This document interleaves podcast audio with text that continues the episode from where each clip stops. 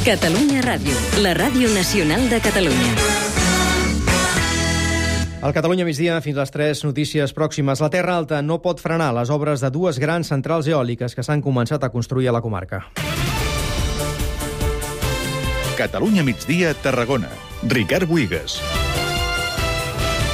El jutge ha desestimat les mesures cautelars per aturar aquestes obres que havia demanat la DEO Terra Alta mentre resol el contenciós obert contra els parcs de Barrancs, Punta Redona i un tercer projectat a tres termes. Són aquells parcs eòlics que han modificat fins i tot algun tram urbà com el de Gandesa per fer passar els grans camions. Gandesa, Ana Ferràs. El procés judicial es retarda, però les obres a Batea i Viralba dels Arcs avancen ràpidament. Núria Altés és membre del Consell Regulador de la DEO. Les mesures cautelars eren una possibilitat de poder parar les obres, que era l'últim l'última fitxa que movíem. És molt negatiu perquè el jutge no es, o sigui, desestima mesures cautelars, però més enllà d'això no, no entra en valorar res. Diu que, que és molt complex i que ho valorarà el judici, però clar, això vol dir que mentrestant les obres van molt ràpid. Naturgy preveu tenir en marxa els 13 nous aerogeneradors a final d'any de 200 metres, més grans que els que hi ha ara a la comarca. Per al pas de vehicles de gran tonatge, l'empresa ha modificat una rotonda gandesa i els murs d'un passeig a Vilalba dels Arcs. Ara expliquem el que hem vist avui a Corbera d'Ebre. El conegut muralista de street art, Aritz, ha creat un gran mural sobre el bombardeig que va destruir aquesta població de l'Ebre. Es tracta d'una alegoria a la barbària de la guerra.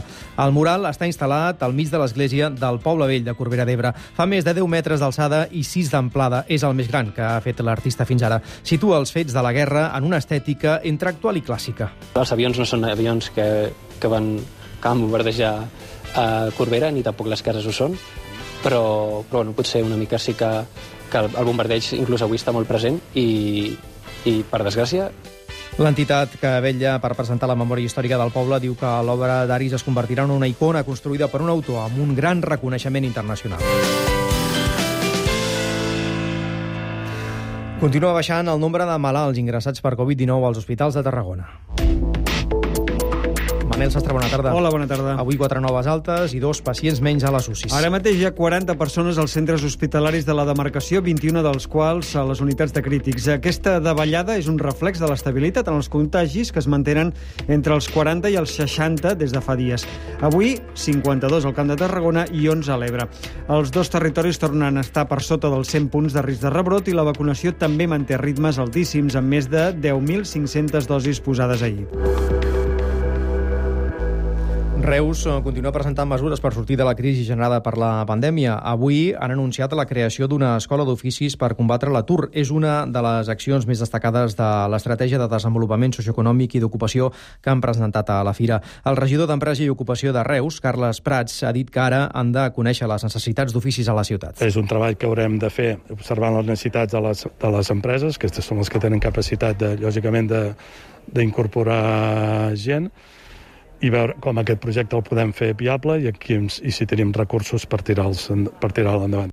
Vilaplana, a la falda de les muntanyes de Prades, rememora dissabte, aquest dissabte, l'inoblidable concert que George Mustaquí hi va oferir fa 41 anys. Ho farà amb una actuació de Marina Rossell, a l'Hort Savall, al mateix lloc on l'any 1980 es van reunir més de 4.000 persones.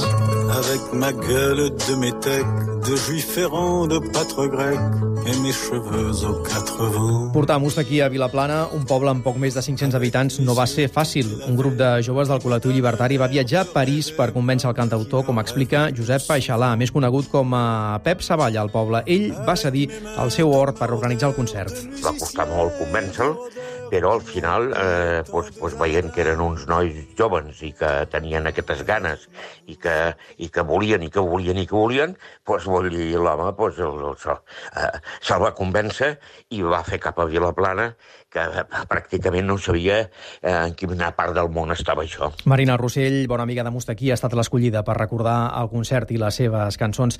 I el Teatre Fortuny de Reus ha presentat avui la programació de tardor. Destaca un trencanous molt especial. I és que el Ballet de Barcelona oferirà una versió del Trencanous en què hi participarà també la colla castellera dels Xiquets de Reus. Els Xiquets fan enguany 40 anys. L'obra es podrà veure el dia 17 de desembre.